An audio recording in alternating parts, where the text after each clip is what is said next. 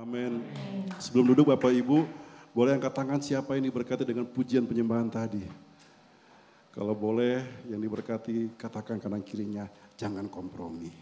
Ayo jangan kompromi. Haleluya. Silakan duduk Bapak Ibu, terima kasih. Haleluya.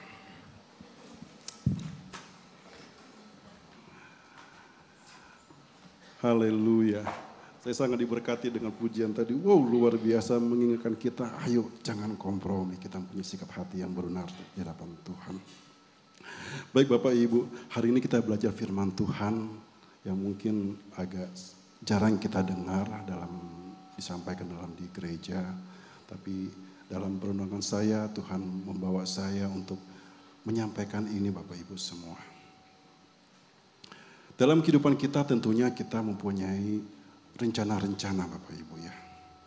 Baik rencana jangka pendek, jangka panjang, rencana buat nanti siang, nanti sore, besok, minggu depan, bahkan untuk bulan depan, untuk tahun depan, bahkan untuk anak-anak kita semua.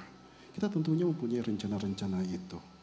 Karena kita pengen kehidupan kita semuanya berjalan sesuai dengan apa yang kita mau. Dan dalam setiap perencanaan itu Bapak Ibu semua, harus kita sadari bahwa erat kaitannya dengan bagaimana kita mengelola keuangan kita. Erat kaitannya bagaimana kita mengelola apa yang kita miliki. Sehingga hari ini kita akan belajar bagaimana Alkitab memandang tentang pengelolaan uang ini. Bagaimana Alkitab berkata tentang bagaimana kita mengelola apa yang kita miliki. Sehingga kita punya dasar yang kuat, dasar yang meyakinkan kita bahwa kita nggak salah jalan. Dalam kehidupan kita, tentunya kita pasti mempunyai keinginan, punya rencana ke depan. Oh, saya mungkin mau yang belum punya rumah pengen punya rumah. Yang pengen belum punya motor pengen mungkin punya motor yang belum punya mobil mungkin ingin punya mobil. Anak saya dia punya keinginan untuk mempunyai handphone yang baru. Dia menabung untuk itu.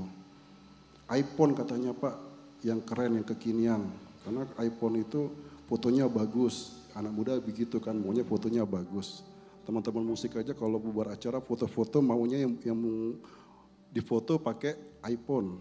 Yang Android nggak mau. Kenapa? Kelihatan bagus, kelihatan kurus katanya. Jadi wajar kalau kita punya keinginan. Bagus, wajar kalau kita mempunyai uh, suatu rencana untuk mencapai keinginan kita. Tapi terlebih lagi yang paling penting adalah bagaimana cara kita mengelola apa yang kita miliki ini sehingga setiap rencana kita itu, setiap apa yang kita inginkan itu bisa berjalan sesuai dengan maunya Tuhan. Berjalan sesuai dengan firman Tuhan, tidak dengan kekuatan kita sendiri. Bapak Ibu, perencanaan ini sangat penting. Karena tanpa perencanaan, ini bisa menjadi masalah. Baik dalam kapasitas yang paling kecil yaitu pribadi kita, yang lebih besar keluarga, bahkan yang lebih besar lagi. Bisa dalam untuk suatu negara. Contoh dalam hal yang kecil, yang pribadi kita, kalau kita tidak bijak dalam mengelola keuangan kita, Mungkin teman-teman yang masih kuliah, yang masih dapat support dari orang tua, awal bulan kita terima kiriman, kita harus bisa mengaturnya dengan baik. Minggu pertama, minggu kedua, minggu ketiga, minggu keempat, paling tidak sampai kiriman berikutnya kita masih bisa survive. Kenapa? Kenapa? Kalau pada saat kita tidak bisa mengaturnya dengan baik, belum apa-apa minggu kedua sudah habis. Minggu ketiga sudah mulai masuk fase puasa bersama. Ambil sikap puasa Senin Kamis. Masuk minggu keempat lebih dahsyat lagi urapannya. Puasa Esther tiga hari berturut-turut puasa. Itu karena tidak bisa mengelola dengan baik. Dalam keluarga juga, kalau kita tidak bisa mengelola keuangan kita dengan baik, kita akan kerepotan. Tengah bulan keadaan keuangan sudah habis, sudah menipis, sementara kebutuhan masih banyak. Hari-hari pasti diisi dengan marah-marah. Istri marah-marah sama suami, suruh suami cari tambahan, suami juga marah-marah sama istri, nggak pengertian, nggak mau ikut bantu, keadaan jadi nggak nyaman. Dan kalau ini terjadi terus menerus, tentunya keluarga ini tinggal tunggu waktu akan jadi masalah yang lebih besar lagi. Dan dalam pengelolaan uang ini ternyata tidak punya tidak hanya bermasalah untuk dalam sebuah lingkungan keluarga, tapi juga lingkungan lebih besar lagi, yaitu skala lebih besar lagi itu sebuah negara. Kalau Bapak Ibu pernah membaca sejarah, ada pulau, eh ada sorry pulau, ada negara namanya Nauru, sebuah negara kepulauan di mana negara ini mempunyai tambang fosfat yang melimpah. Jadi dengan sumber daya yang ada, negara ini menjadi negara yang mempunyai penghasilan yang sangat besar di masa itu. Dalam sejarah kalau kita baca di tahun 1980, negara ini mempunyai penghasilan sebesar 27 ribu dolar per tahun. Kalau kita bandingkan negara yang besar Amerika, negara ini jauh lebih besar dibandingkan Amerika. Kenapa? Karena Amerika pada saat itu penghasilan per tahunnya hanya 12.500 per tahun. Sangat jauh sekali. Tetapi karena pengelolaan yang tidak baik, negara ini bangkrut. Kalau kita baca bagaimana negara ini memperlakukan warga negaranya begitu dispesialkan, dimanjakan. Semuanya dipenuhi kebutuhannya, pajak nggak bayar, kebutuhan sehari-hari disediakan. Bahkan cuma untuk belanja saja, kalau misalnya warga negara ini mau belanja ke Singapura, itu diongkosin sama pemerintahnya. Mau belanja ke luar negeri, ke Australia, diongkosin. Enak ya kalau kayak gitu ya. Tapi itulah akibatnya karena karena mereka tidak mengelola dengan baik keuangannya. Pada tahun 2002 negara ini dinyatakan bangkrut. Utangnya besar dan rakyatnya terpaksa harus hidup sengsara jadi Bapak Ibu, masalah pengaturan keuangan ini sangat penting. Dalam Alkitab kita bisa melihat seorang tokoh yang begitu pandai, begitu piawai mengatur keuangan, mengatur segala sesuatu sehingga dia diberikan kepercayaan yang lebih besar.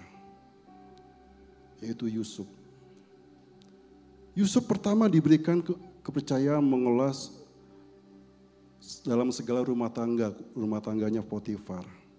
Yusuf begitu pandai mengaturnya, begitu piawai mengatur segala sesuatu sehingga kepala rumah tangga merasa senang dengan hasil apa yang dilakukan oleh Yusuf. Dan karena kemampuannya itu, Tuhan memperkaya, mempercayakan lagi hal yang lebih besar. Yusuf diberikan kepercayaan mengatur sebuah negara saat itu, yaitu Mesir. Dari sini kita bisa belajar Bapak Ibu, bahwa pada saat kita mampu mengelola apa yang kita miliki saat ini, mungkin nilainya nggak begitu besar. Tapi kalau kita bisa mengelola dengan baik, bisa mempertanggungjawabkannya pengguna penggunaannya, pada saatnya nanti Tuhan akan mempercayakan yang lebih besar. Amin Bapak Ibu. Jadi kalau kita berhasil mampu mengelola hal yang kecil, untuk pribadi kita, bagaimana kita mengatur harta kekayaan yang dipercayakan Tuhan untuk pribadi kita, untuk keluarga kita. Tuhan melihat, oh anakku ini pintar, anakku ini bisa dipercaya, bertanggung jawab. Akan diberikan sesuatu yang lebih besar lagi. Dan Alkitab juga memberikan tuntunan bagaimana kita mengatur keuangan kita. Dan GBI merangkumnya dalam pelajaran KOM 200. Jadi saya promosi lagi Bu ya, saya bawa bukunya ini KOM 200 bukunya. Memang gereja kita ini begitu luar biasanya memberikan panduan-panduan pembelajaran untuk kita supaya kita menjadi jemaat yang bertumbuh.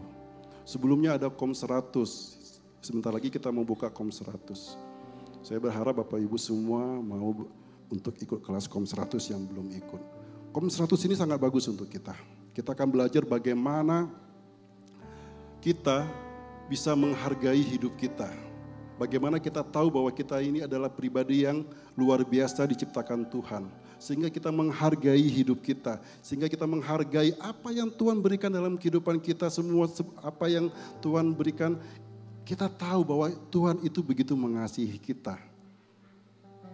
Dari yang kita makhluk yang berdosa, kita ditebus, kita diselamatkan, kita diberikan sebuah janji keselamatan. Sehingga pada akhirnya kita akan tahu bahwa kita hidup untuk menjadi berkat. Dari KOM 100 dilanjutkan ke KOM 200. KOM 200 lebih lagi pelajarannya. KOM 200 lebih bersifat praktikal Diajarkan bagaimana supaya kita hidup berbahagia. Diajarkan bagaimana kita misalnya menerima konseling. Mungkin ada teman atau keluarga kita bercerita tentang sesuatu hal konseling, kita bisa bisa menyikapnya dengan baik. Kita diajar bagaimana kita mengatur keuangan kita. Dan kita pun juga diajar bagaimana kalau kita mau menjadi seorang pelayan yang bisa naik mimbar dan menyampaikan firman Tuhan. Diajarkan semuanya. Jadi nanti Bapak Ibu kalau dibuka kelas-kelas kom, ayo ambil bagian untuk bisa mengikuti kelas ini. Amin. Ya, di dalam kom 200 diajarkan tentang bagaimana kita berusaha untuk memperoleh kekayaan dan juga bagaimana mengelolanya. Kita buka di ulangan 8 ayat 18. Ini ayat dasar kita Bapak Ibu. Ulangan 8 ayat 18. Tetapi haruslah engkau ingat kepada Tuhan Allahmu. Sebab dialah yang memberikan kepadamu kekuatan untuk memperoleh kekayaan. Kita garis bawahi Bapak Ibu ya. Dengan maksud meneguhkan perjanjian yang diikrarkannya dengan sumpah kepada nenek moyangmu sampai seperti ini. Seperti sekarang ini. Dikatakan di sini Tuhan memberikan kepadamu kekuatan untuk memperoleh kekayaan. Berarti Tuhan ingin kita punya kemampuan untuk memperoleh kekayaan.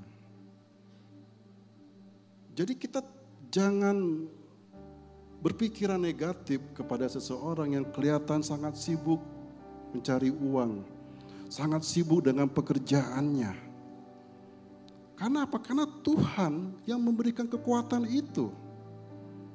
Memberikan kekuatan kepada kita supaya kita mampu untuk mencari harta. Karena apa? Berkat kelimpahan yang Tuhan janjikan kepada kita itu tidak serta merta kita terima dari langit, turun dari langit kita terima. No. Tuhan mau kita berupaya mengejarnya. Makanya Tuhan memberikan kekuatan itu kepada kita.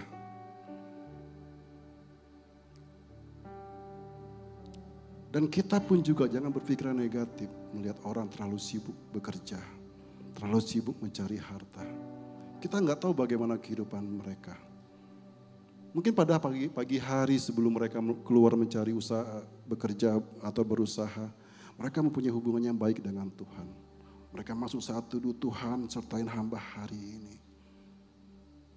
Serta, sertai setiap tangan hamba yang mau bekerja Jadi tidak salah kalau kita berupaya keras bagaimana kita mencari harta kita. Karena Tuhan sendiri yang mau kita mempunyai kemampuan itu supaya apa? Supaya berkat kelimpahan yang Tuhan janjikan kepada kita bisa kita dapatkan. Di KOM 200 memang diajarkan bagaimana cara mengelola keuangan kita, bagaimana cara kita mendapatkannya dan bagaimana cara kita mengelolanya. Tapi saya nggak bakal sampaikan itu secara detail Bapak Ibu, karena kalau sampaikan secara detail itu panjang waktunya, bisa satu jam. Saya ambil singkat-singkat aja.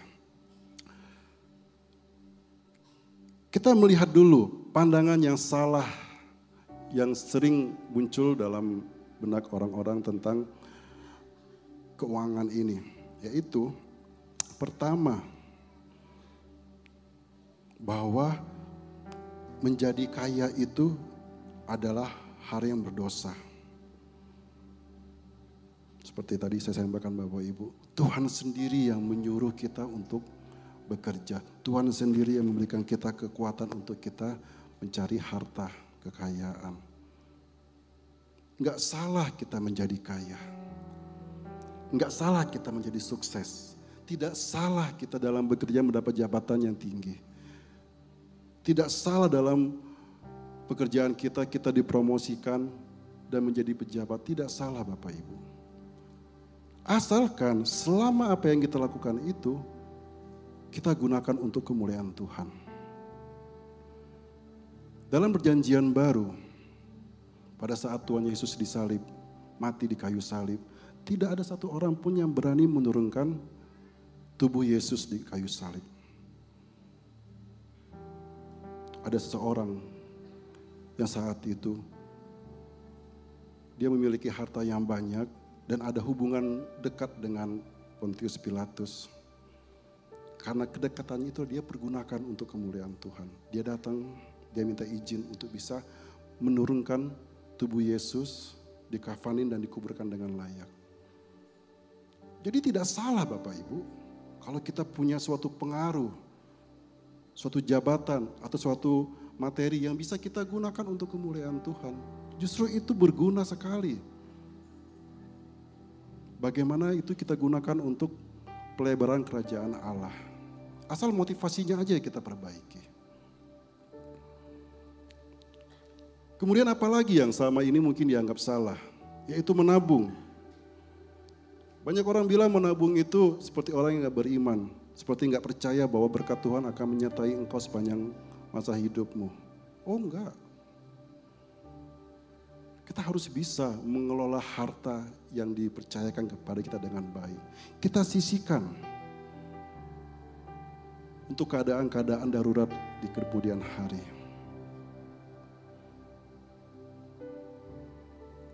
Ada sebuah nasihat yang kami lakukan bagaimana kami menyimpan keuangan kami untuk masa-masa siapa tahu keadaan darurat terjadi kami tidak bisa mendapatkan penghasilan secara rutin setiap bulan.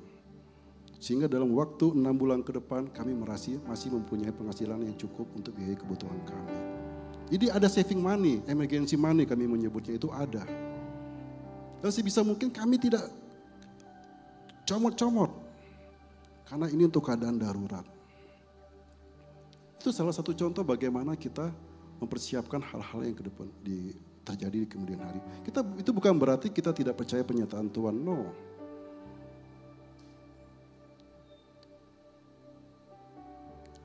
Kita harus bisa menabung. 2 Korintus 12 ayat 14. Kita buka di situ Bapak Ibu. Apa tujuan menabung? 2 Korintus 12 ayat 14. Sesungguhnya sekarang sudah untuk ketiga kalinya aku siap untuk mengunjungi kamu ini kata Paulus ya. Dan aku tidak akan melaku, tidak akan merupakan suatu beban bagi kamu, sebab bukan hartamu yang kucari, melainkan kamu sendiri. Karena bukan anak-anak yang harus mengumpulkan harta untuk orang tuanya, melainkan orang tua lah yang mengumpulkan harta untuk anak-anaknya. Jadi kita sebagai orang tua punya kewajiban untuk bisa mengumpulkan harta untuk anak-anak kita. Kita menabung untuk anak-anak kita. Dan itu bukan suatu langkah yang tidak mempunyai iman. Seolah-olah tidak percaya bahwa Tuhan akan menjaga anak kita di masanya nanti. Enggak. Ini adalah suatu cara bagaimana kita mempergunakan kekayaan yang dipercayakan kepada kita, kita gunakan dengan sebaik-baiknya.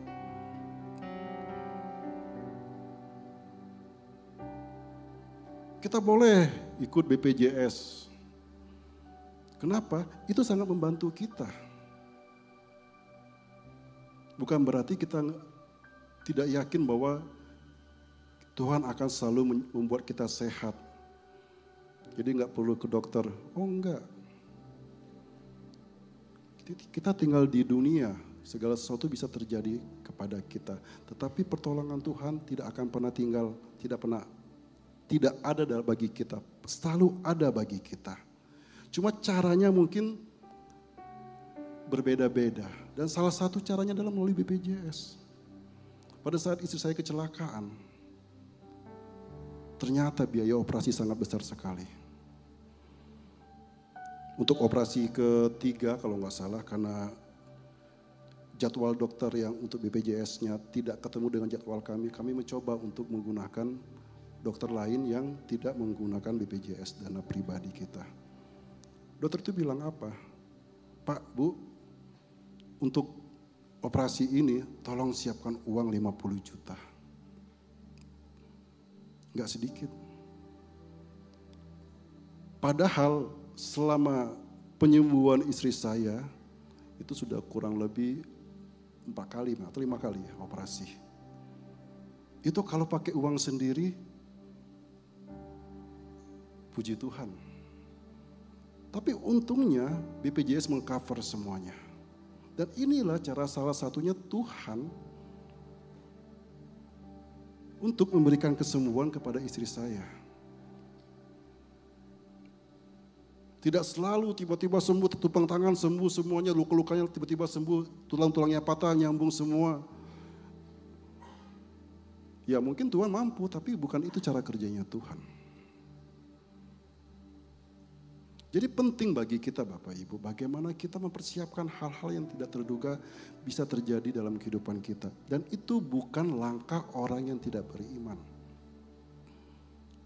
Itu adalah salah satu cara bagaimana kita mengelola harta yang dipercayakan Tuhan kepada kita.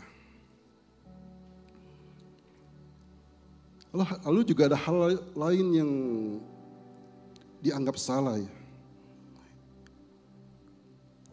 Kekayaan hanya untuk memanjakan kita. Nah ini yang salah Bapak Ibu.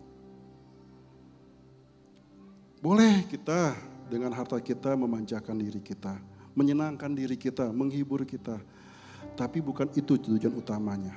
Kita harus tahu dari setiap materi yang Tuhan percayakan kepada kita, kita juga harus menggunakannya untuk kemuliaan Tuhan. Amin Bapak Ibu. Amin. Dari harta yang dipercayakan Tuhan kepada kita, kita juga harus menggunakannya untuk kemuliaan nama Tuhan.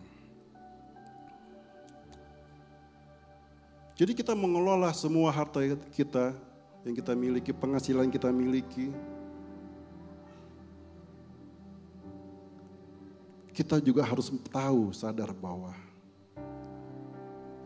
dari harta itu ada bagian roti dan juga ada bagian benih. Kalau bagian roti itu boleh kita nikmati Bapak Ibu. Boleh kita gunakan untuk keperluan kita, boleh untuk kita gunakan untuk kesenangan kita. Tapi ada juga bagian benihnya. Dan inilah yang harus kita lakukan dengan cara yang benar. Karena apa? Karena pada saat kita mengelola berkat benih ini, kita harus sesuai dengan firman Tuhan. Di awal tahun, pada saat kita masukin awal tahun kita ikut MDPJ dengan Bapak Pembina, Bapak Nikon Nyoto Rahajo. Kita diajarkan bagaimana kita memberi dalam kemurahan hati. Dan memberi dalam kemurahan hati inilah yang menjadi panduan kita untuk mengelola berkat benih tadi. Kalau berkat roti tentunya dengan sesuai kebutuhan kita masing-masing. Tapi kalau untuk berkat benih dasarnya adalah kemurahan hati inilah yang kita gunakan sebagai dasar bagaimana kita mengelola berkat benih ini. Lukas 6 ayat 36 berkata, Hendaklah kamu murah hati sama seperti Bapamu adalah murah hati. Jadi kenapa kita harus mempunyai Kemurahan hati karena Bapa kita sendiri murah hati. Kemurahan hati Bapa kita, Tuhan kita terlihat di cerita Matius 20 ayat 8 tentang bagaimana pekerja di ladang anggur yang mendapatkan upah yang sama. Padahal ada yang bekerja dari pagi, ada yang dari siang, ada yang dari sore. Tapi pada saat selesai bekerja semua mendapatkan upah yang sama besar yaitu satu dinar. Ini merupakan contoh bagaimana Tuhan itu mempunyai kasih karunia, kemurahan hati yang begitu luar biasa.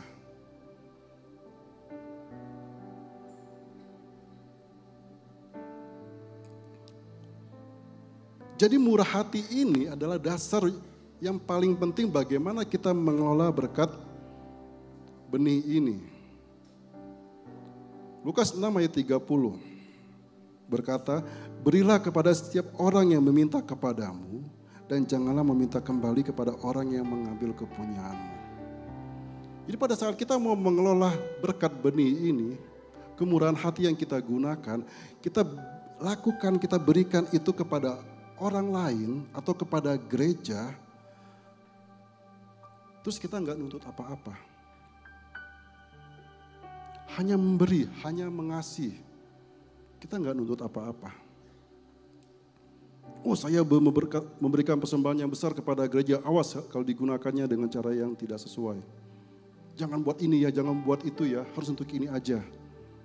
Pada saat kita melakukan itu, kita biarkan lembaga yang berwenang menggunakannya dengan baik sesuai tuntunan Tuhan. Kita percayakan itu. Kita nggak menuntut apa-apa. Demikian juga kalau pada saat kita mau memberkati sesama kita, ya kita memberi saja tanpa kita menuntut apa-apa dari dia. Karena di situlah kemurahan hati itu bekerja. Dan makna dari dari memberi dalam kemurahan hati adalah kita memberi di mana tolak ukurnya adalah kekayaan. Saya tambahkan, tambahkan kata kekayaan supaya bisa melihat bagaimana tingginya level kemurahan hati dalam hidup kita. Pemberian dalam kemurahan hati adalah di mana tolak ukurnya adalah kekayaan kemurahan hati. Jadi seberapa besar kemurahan hati itu ada dalam diri kita, itulah yang menjadi tolak ukurnya. Bukan seberapa besar materi yang kita berikan. Bukan seberapa besar persembahan yang kita berikan. Bukan seberapa besar taburan yang kita berikan. Tetapi seberapa besar kekayaan kemurahan hati itu ada dalam diri kita. Itulah tolak ukurnya. Dasar dari pemberian dalam kemurahan hati adalah kasih Yesus. Kenapa? Karena Yesus sudah membuktikan kasihnya kepada kita.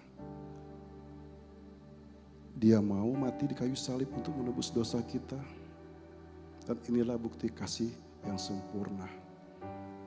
Jadi dasar lain yang kita gunakan pada saat kita memberi dalam kemurahan hati adalah kasih Kristus. Dan dorongan dalam kita memberi dalam kemurahan hati adalah kerelaan hati dan ucapan syukur. Bukan karena paksaan, bukan supaya terlihat, bukan supaya dibilang hebat, oh ngasihnya besar, oh dia ngasih ini, oh dia nabur ini enggak. Dasarnya adalah kerelaan hati dan ucapan syukur atas apa yang Tuhan telah berikan dalam kehidupan kita. Lalu kita melihat bagaimana bentuk penerapan memberi dalam kemurahan hati. Pertama, memberi yang terbaik.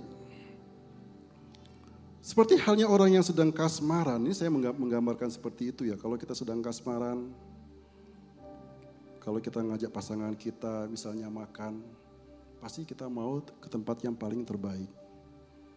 Kita memberikan sesuatu, pastinya yang terbaik kita berikan. Dan terlebih lagi, kita pun kayaknya pengen lagi kasih sesuatu, pengen lagi, kasih apa lagi ya, kasih apa lagi ya. Pokoknya pengen memberikan terus untuk menyenangkan pasangan kita. Jadi kita pada saat kita punya kemurahan hati, yang kita berikan itu adalah yang terbaik. Kemudian apalagi bentuk penerapan memberi dalam kemurahan hati? Yaitu memberi yang melampaui kemampuan.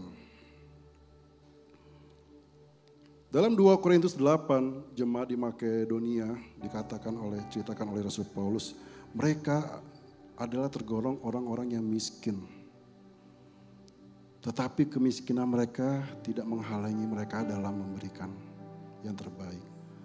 mereka memberi, ada yang sesuai kemampuan mereka, bahkan ada yang memberi di atas kemampuan mereka.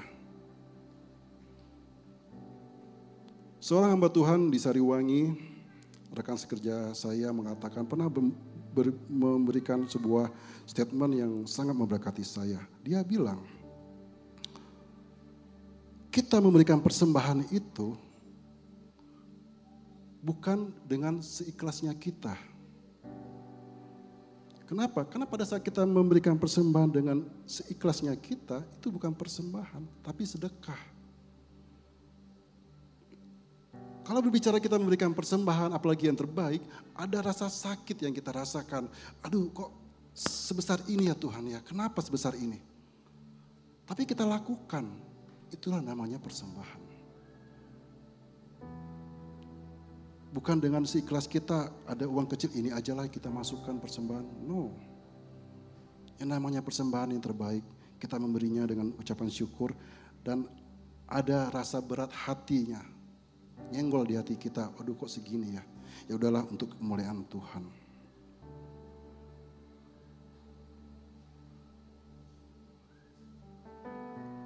Jadi pada saat kita memberi dengan kemurahan hati, terkadang kita memberi dengan sesuatu yang melampaui logika kita. Tapi kita lakukan, kita taat, kita setia.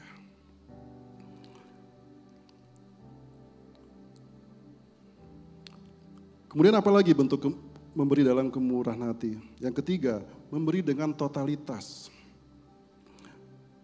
Dalam Lukas 21 ayat 4,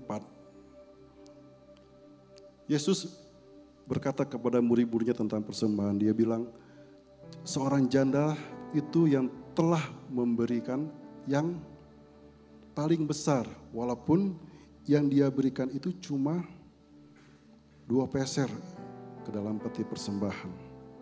Tapi Tuhan bilang itulah yang paling terbesar. Kenapa? Karena janda itu memberikan apa yang dia miliki itu segalanya dari kekurang, dari kekurangan dia.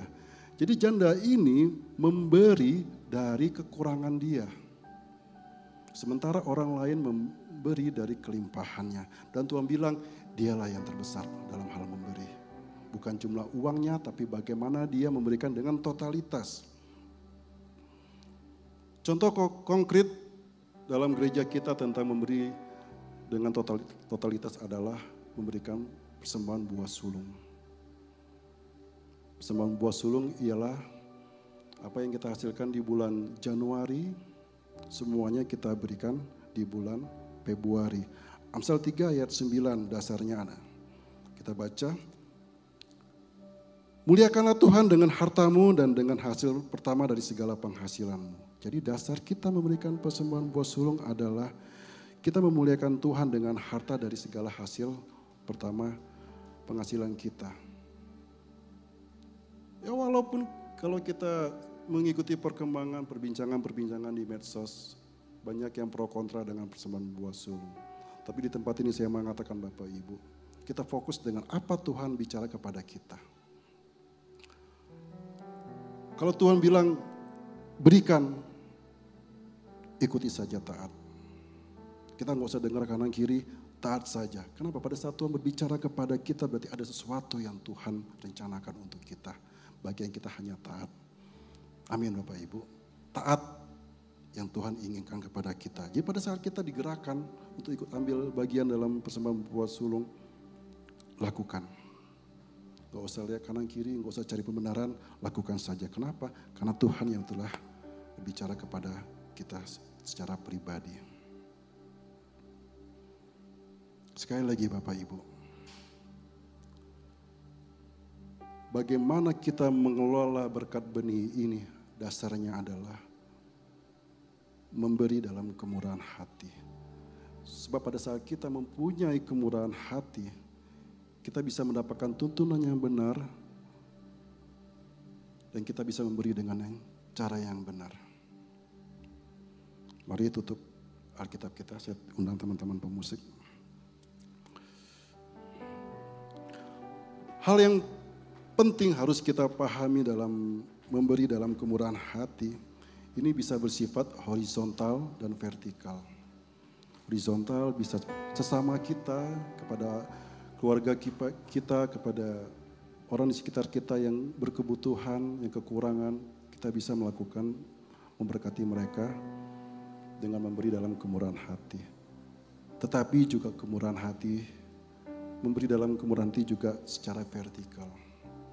Bagaimana kita memberikan persembahan yang terbaik kepada Tuhan. Jadi jangan batasin hati kita dalam hal memberi.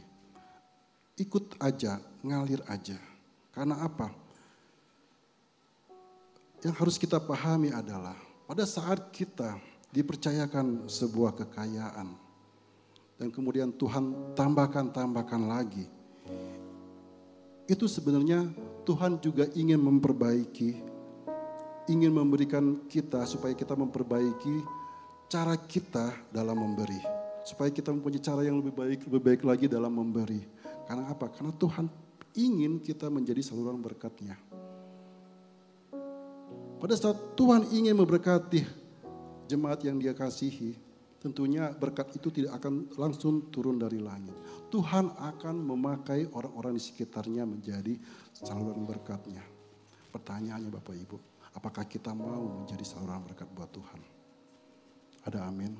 Apakah kita mau menjadi saluran berkat bagi Tuhan? Apakah kita mau dipakai Tuhan untuk memberkati orang-orang di sekitar kita? Mari kita berdoa.